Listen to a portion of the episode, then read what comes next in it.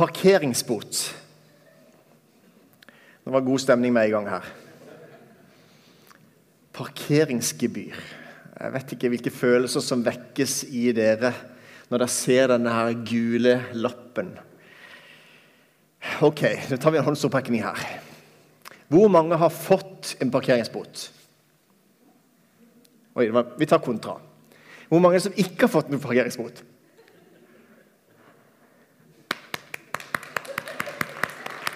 Og så er det noen som ikke kjører, kanskje. Men det får vi ikke si. Jeg så i hvert fall en som ikke har lappen, så da, da tenker vi at det går litt på det.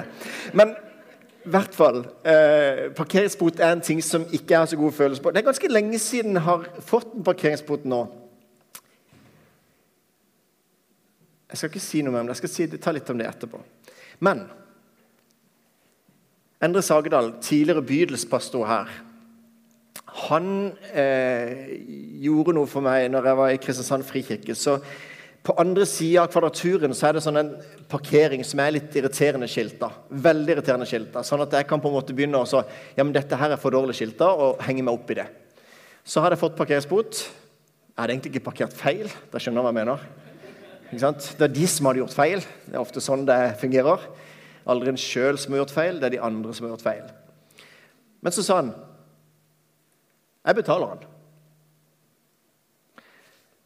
Eh, så kom jeg på det nå her om dagen. for Just så, så, var det i en samtale med noen andre så var det en som sa det at, eh, at han hadde fått bot.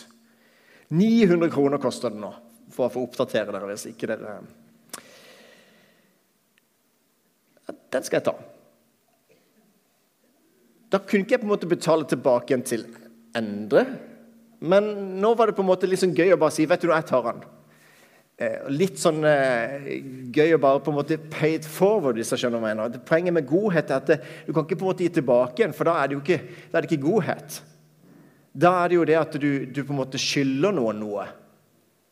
Ja, jeg har en bot i mente liksom, til Endre, så skal jeg jo på en måte betale tilbake til han, at det funker jo ikke sånn. Men gi det videre. Og så er det utrolig gøy å merke gleden det gir. Og Linda, som hadde vitnesbyrd her i starten, fortalte om at hun var blitt møtt Eller var blitt utsatt for godhet. Det synes jeg var en stilig formulering. Utsatt for godhet. Og så blir det sånn reaksjon at jeg har òg fått lov til å bli utsatt for godhet. Og Da er en reaksjon at du har lyst til å gi det videre. Og Det er det som på en måte er denne pay it forward.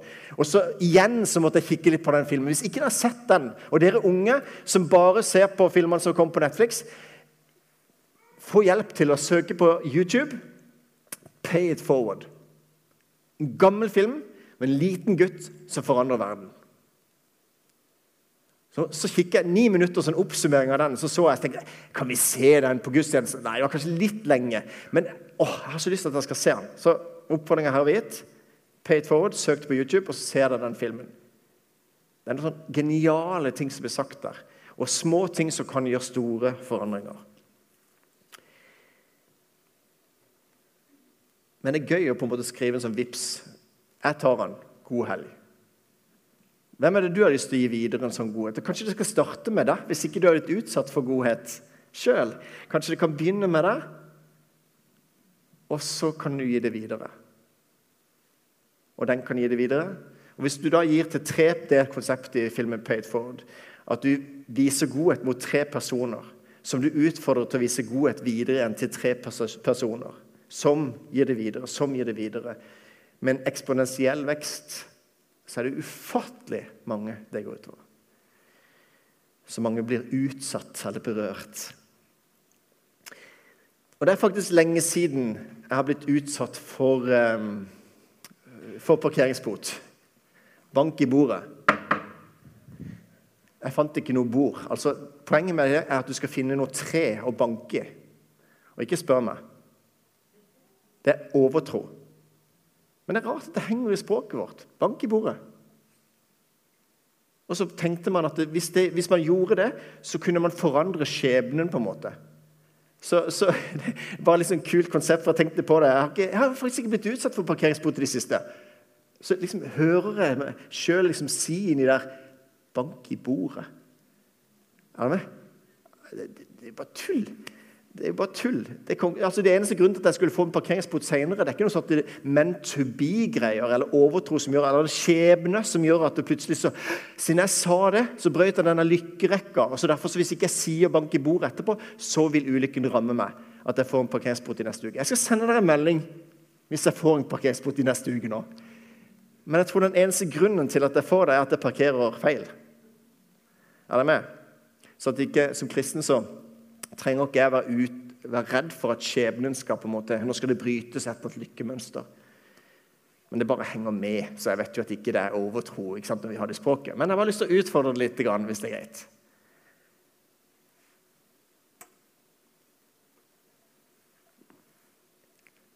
Jeg tror ikke på noe skjebne, jeg tror ikke på noe karma, at det skal slå tilbake på meg. Jeg tror på Gud. Det er ingen overtro å tro på Gud, men en hverdagstro. Jeg tror på en god Gud. Jeg har tillit til Gud. Så troen er på en måte en tillit retta mot Gud. Apropos dette med overtro også. jeg har lyst til å ta, Det var, slo meg en liten annonse, for jeg søkte litt med godhet på nett. Og så var det en episode, Kanskje noen kjenner denne karen her, som er Herman i Kristiansand. Jeg vet ikke hvem han er. Det var ikke noe kristen side, eller noe sånt, det var bare en sånn godhetsartikkel som hadde vært på NRK. Og det som er interessant, er at han så hvor tragisk de hadde det. Jeg husker ikke hvilket afrikansk land det var. Men det som var, er at hvis du er albino i et afrikansk land, så er overtro knytta til det at hvis du får en kroppsdel fra en albino der, så betyr det lykke.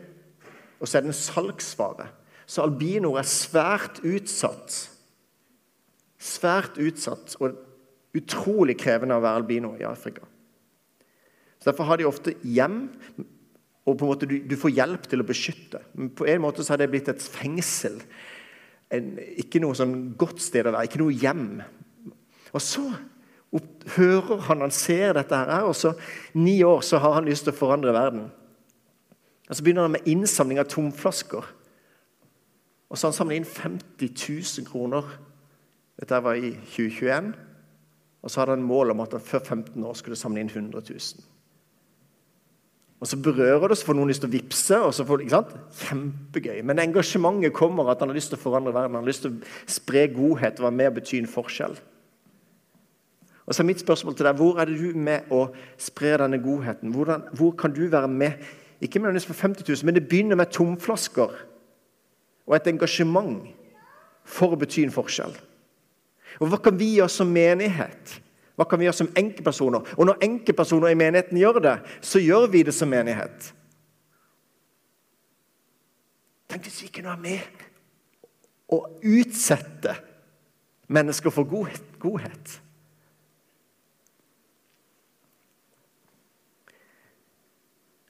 Jeg tror på en god Gud. Faktisk er det sånn at navnet mitt minner meg om det. Tobias. Det betyr Gud er god. Så Tobiasen må være sant, sønn av. Og så er det jo Gud er god. Så vårt, vårt uh, wifi-passord Nå røper jeg det til alle dere. Ikke spre det så veldig, da. Men det er Gud er god med store bokstaver. Tobiasen. Det er litt fint å si. Gud er god. Eh, og så er det lett å huske, og så er det alle de vi leier ut til på Airbnb, som må skrive inn 'Gud er god' i løpet av sommeren. Så det, det er jo veldig gøy.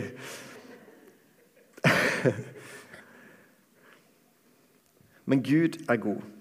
Men hva er godhet? Hva er godhet?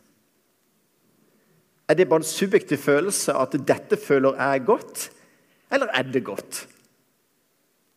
Hva hvis noen for 50 år siden slo barnet sitt? Fordi at de ville oppdra barnet. Og sånn sett var jo det godt tenkt. Men er det da ondt å slå i oppdragelse? Nei. Nei, veldig bra. Fint med respons. Jeg liker det. Dere andre òg, litt mer respons. Svar med en gang. ok? Kjempeflott. Men ikke sant? poenget er bare at det er feil å slå barn. Så det må være noe som må være Det er godt, det er ondt, det må være objektivt. Og så kan vår forståelse av det være, variere og være forskjellige. Men da skal jeg gi deg et eksempel. Jeg har delt det på en kveldsgudstjeneste, tror jeg, før. Men det er nå nylig, i påska. Så var vi og Daniel og Silje sammen med elleve konfirmanter til Gdynia, til vår vennskapsmenighet i Polen. Og Så kom vi inn på en skole, vi skulle ha undervisning der, og så ser de Martha. Og Martha hun er nonne. Og de bare wow! Ikke sant? De blir redd for nonna. Nonner er lik onde. Hm. Og, og, Da får jeg på en måte litt sånn lyst til å ta tak i det. da. Så jeg har jo lyst til å få de til å hilse på, som viser seg at det var, hun heter Martha. Underviser i kristendom på skolen. Og alle de på skolen vi spurte er hun skummel, er hun eh, ond. Men alle vet jo der at det er Hallo, det er jo Martha, og hun underviser i kristendom. Poenget er for lang historie kort her. Hva, hva, er det som på en måte gir, hva er kilden til vår kunnskap om hva som er godt og ondt? Er det TikTok? Er det halloweenfeiringer? Hvis du på en måte aldri har sett en nonne Eneste inputen til hva nonne er, er gjennom TikTok eller halloween og, og, og skrekkfilmer.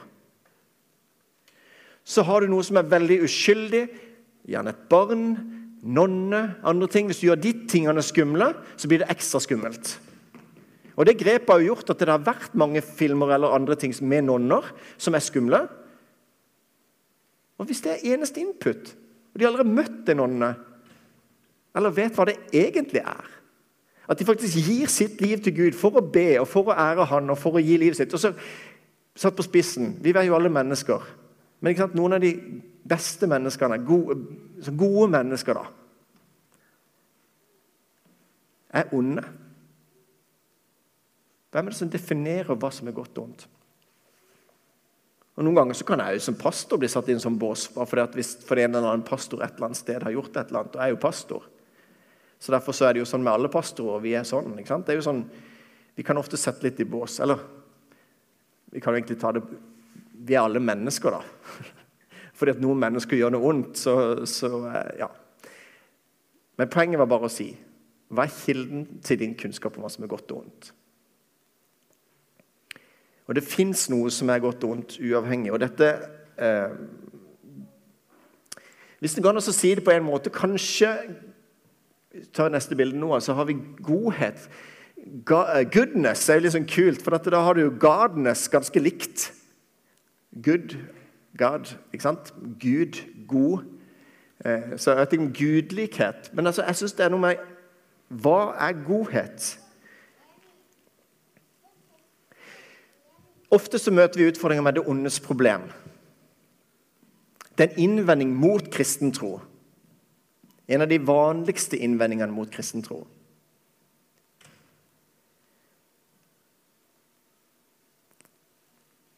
I boka så skriver jeg det som en grunn til at jeg er kristen. Faktisk At det er en løsning på det ondes problem. Å snu om på det hele greia. Men nå skal vi la det ondes problem ligge. Og så skal vi snakke om det godes problem. Hvorfor fins noe godt? Hvorfor er ikke alt bare kaos? For alt går mot kaos. Alt går mot forfall. Kan vi si som mennesker også når vi begynner å bli eldre. Det naturlige er at det forfaller. Hvorfor forfaller ikke på en måte, altså, Hvorfor er ikke alt ondt? på en måte? Hvorfor er det noe som er godt? Hva er det som gjør at det fins noe godt i tilfeldighetens spill? Det mener jeg er nesten større utfordring for ateisten. Hvorfor finnes det noe som er godt? Den kraften i det gode. Hvorfor blir en som ikke tror på Gud, plaga av sin egen samvittighet? når han gjør ting som er galt? Hvorfor kan han ikke bare tilgi sine egne synder og være fri? Kanskje ikke han vil bruke ordet synd, men bare sette seg sjøl i frihet. Nei, jeg har ikke lyst til å bli plaga av det. Jeg vil, ikke, jeg vil være fri. Ikke sant? Ferdig. Hvorfor plages man allikevel av sin egen samvittighet? Så det er noe som at Vi vet hva som egentlig er godt, og så vet vi at vi er onde, og så ser vi at ikke de går sammen. Og Det kristne livssynet formidler jo en, at alt var godt, overmåte godt. Og så skjedde det et brudd med det gode, sånn at nå er det ikke som Gud ville at det skulle være. Og så er hele Bibelen full av løfter om at det skal bli sånn som Gud vil at det skal være igjen. Men at det er en grunn til at han venter med å utslette det onde. Og det er pga. meg, det. At han vil at flest mulig mennesker skal komme til tro før Gud sier nå er det nok. Så det onde er her som et alternativ til Gud.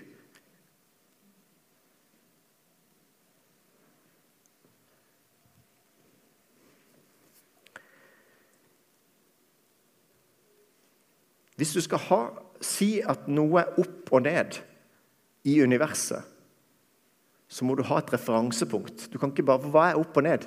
Det er ikke noe som er opp og ned. Men hvis du har et referansepunkt og sier, altså da, du må ha noe å navigere deg ut ifra, da kan du fortelle hva som er rett og galt. Hva som er opp og ned. Gud er sånt referansepunkt. Og Det moralske argument for Gud er et av de sterkeste argumentene som aldri er klart å blitt motbevist. Dersom vi sier at noe er ondt, så er det noe som er godt. Hvis det er noe som er ondt og godt, så må det være noe som skiller det. Og Hvis det er noe som skiller mellom de to, hva, hva er det som skal avgjøre det? Da må det være en lovgiver, og den lovgiveren kaller vi for Gud. Ondt og godt kan ikke bare være merkelapper på hva vi liker og ikke liker. For da vil det variere. Da er det greit en gang å slå, en annen gang ikke. Men det kan jo være, ok, selvfølgelig kan det være i forbindelse med krig og andre ting. så kan det være greit, for da er det en forsvarskrig versus en angrepskrig osv. Men det må være et utgangspunkt for hva som er rett og galt. Flertallet kan ikke bestemme det. Følelsene våre kan ikke bestemme det. Vi kan være enige om at det var galt, det Hitler gjorde, uavhengig om flertallet i Nazi-Tyskland sa at det var rett. Det er viktig. Og Det samme gjelder godhet. Vi må ha et utgangspunkt for godhet, ikke bare de personlige preferansene.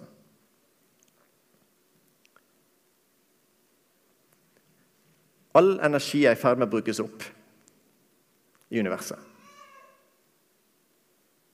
Termo, termodynamikkens andre lov er sånn at alt er i ferd med å ebbes ut. Hvis du har en uendelighet, da, hvis universet, universet alltid skulle ha til, så skulle det ikke vært mer energi igjen. Faktisk er det et argument for at det har vært en begynnelse. Og vitenskapelig argument for Gud. At det har vært en skapelse, en begynnelse, og så på en måte ebber den energien ut sakte, men sikkert. Hvis det hadde vært en evighet, så hadde det ikke vært energi igjen. Men det var en annen ting. Men dette med kaos, at det er Gud skapte ut av et kaos og satte det i system. Vi skal se en tekst fra Lukas kapittel 18. Og Der er det et av medlemmene i rådet som kom og spurte. Lukas 18, 18-27. Et medlem av rådet kom og spurte ham. Gode mester, hva skal jeg gjøre for å arve evig liv? Men Jesus sa til ham, hvorfor kaller du meg god? Ingen er god uten én. Det er Gud. Og igjen så er menneskets fokus på hva vi skal gjøre for å være gode og bli en bedre versjon av oss selv, for oss som ser på Kompani Lauritzen. Det er hva vi skal prestere og ikke sant, osv. Men dette med god Da var referansen at du, du får til ting. Altså denne rådsmannen her du får til ting. Du på en måte gjør det gode. Referansen er ut ifra at jeg ser at du er god. Men hvem er god? Det er bare Gud som er god.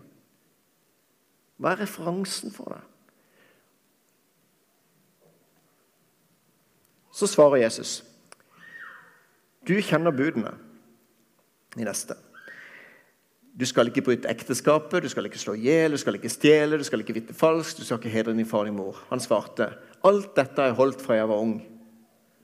Da Jesus hørte det, sa han til ham, én ting mangler du ennå. Selg alt du eier, og del ut til de fattige. Da skal du få en skatt i himmelen. Kom så og følg meg. Men da mannen hørte dette, ble han bedrøvet, for han var svært rik. Han ble bedrøvet for han var svært rik. Det var noe som bandt han, noe som var viktigere osv. Det betyr ikke at det er feil å være rik, men det betyr at hvis det er mer, har en høyere posisjon og setter noe høyere enn det viktigste Her var pengene i veien.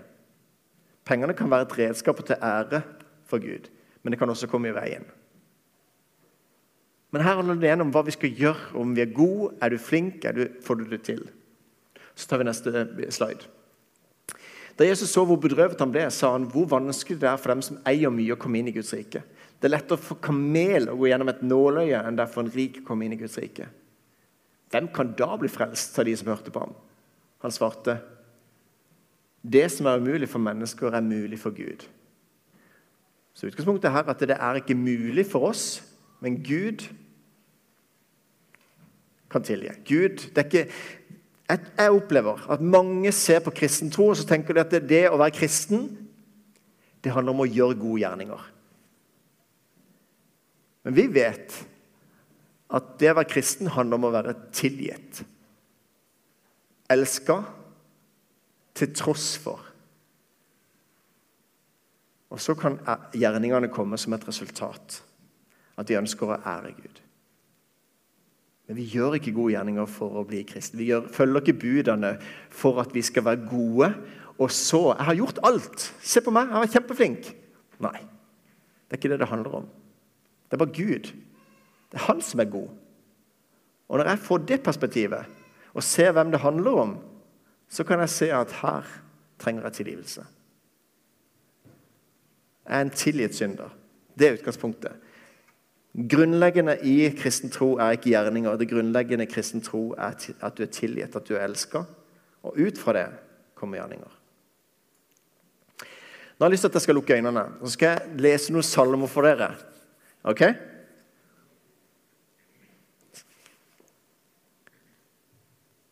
Salme 90, vers 14. Mett oss med din godhet om morgenen så vi kan juble og glede oss alle våre dager. Salme 19, 64.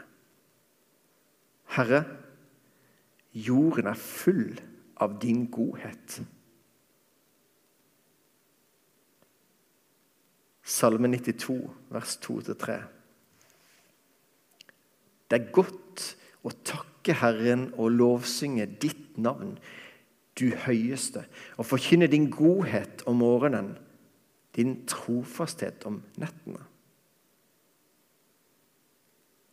Herre, står det i vers 5, du har gledet meg med ditt verk.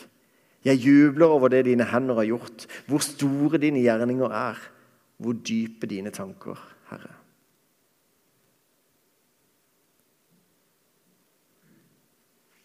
Efesene, kapittel 5.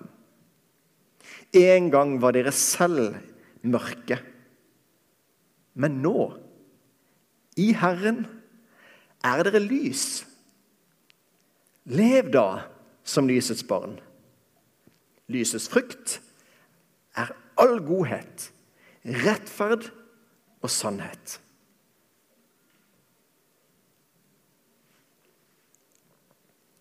Galaterne 5,22.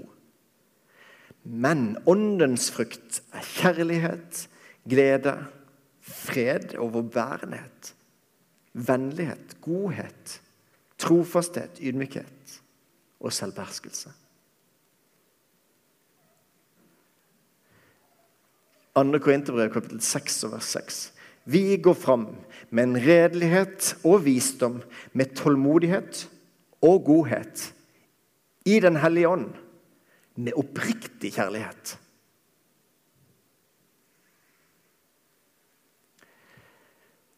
Jeg har lyst til at det skulle leses noen bibler. så kan jeg, Hvis ikke det har sovna, så kan jeg åpne øynene igjen. Halvparten åpner øynene. Fint. Jeg hadde lyst til at det skulle være noen, noen ord om godhet fra Bibelen. Salmistene, men også litt at det utgangspunktet for godhet det er åndens frukt. Det er ikke at vi skal ta oss sammen og være gode, men det er åndens frukt. Det er godhet. Koble seg på Gud, så er resultatet en godhet.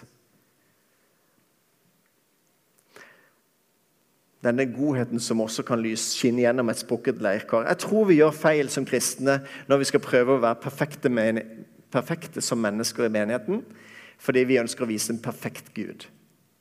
Det er svært viktig at du er sprukken, sånn at Guds godhet kan bli synlig. Hvis du er perfekt, så ser ingen den nåden du er avhengig av. Sprukne leirkar, det er så sentralt. Så hvis ikke, du, hvis ikke du har noen sprekker i fasaden, så må du fake det. Er du med? For det er jo der Guds nåde kan bli synlig.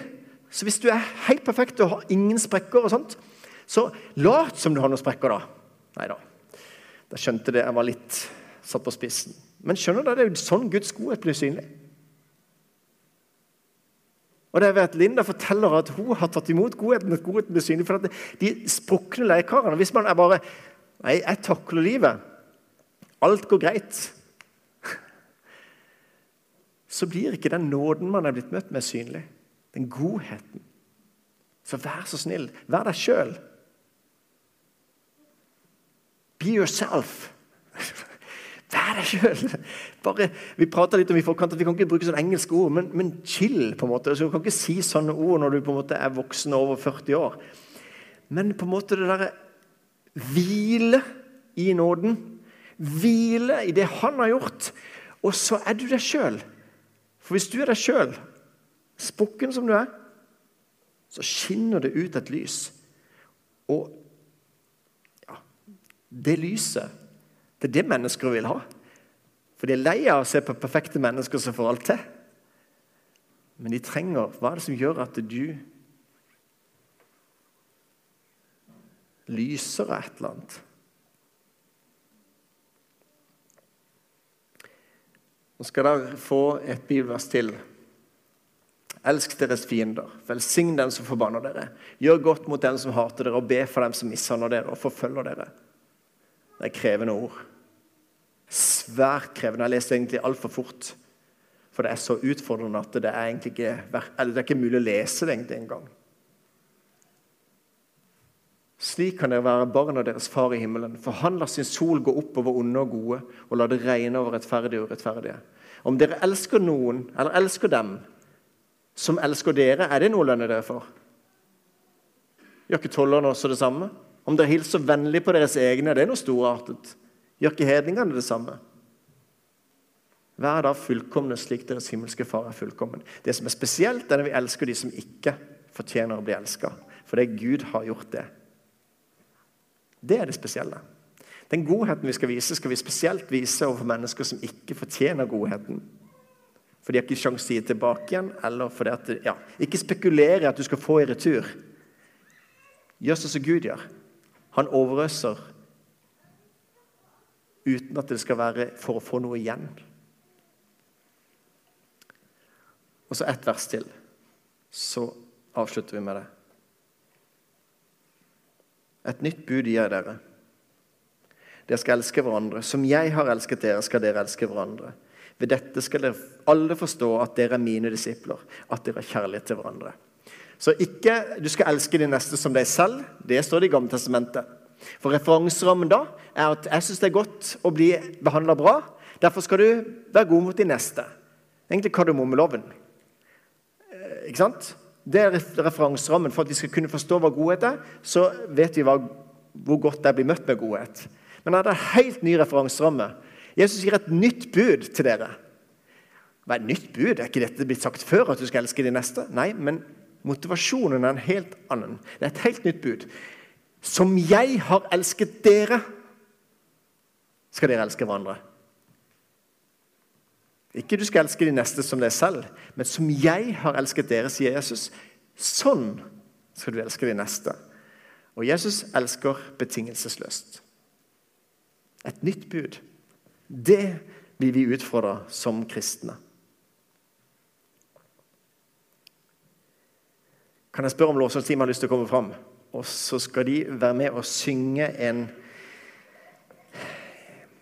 en sang som på en måte, Det handler egentlig litt om det at Tenk hvis noen kunne se Gud gjennom den godhet som vi viser. Katrine skal synge på den. og Etterpå så vil jeg gi dere en utfordring, men hør på teksten nå. Som en del av talen. Så Da vil jeg bare overgi ordet til deg, Katrine, så kan du preke videre. Um, men på, se det som en del av talen. Og så har jeg lyst til å gi dere en utfordring etterpå, også til kollekt. Gi en gave. OK?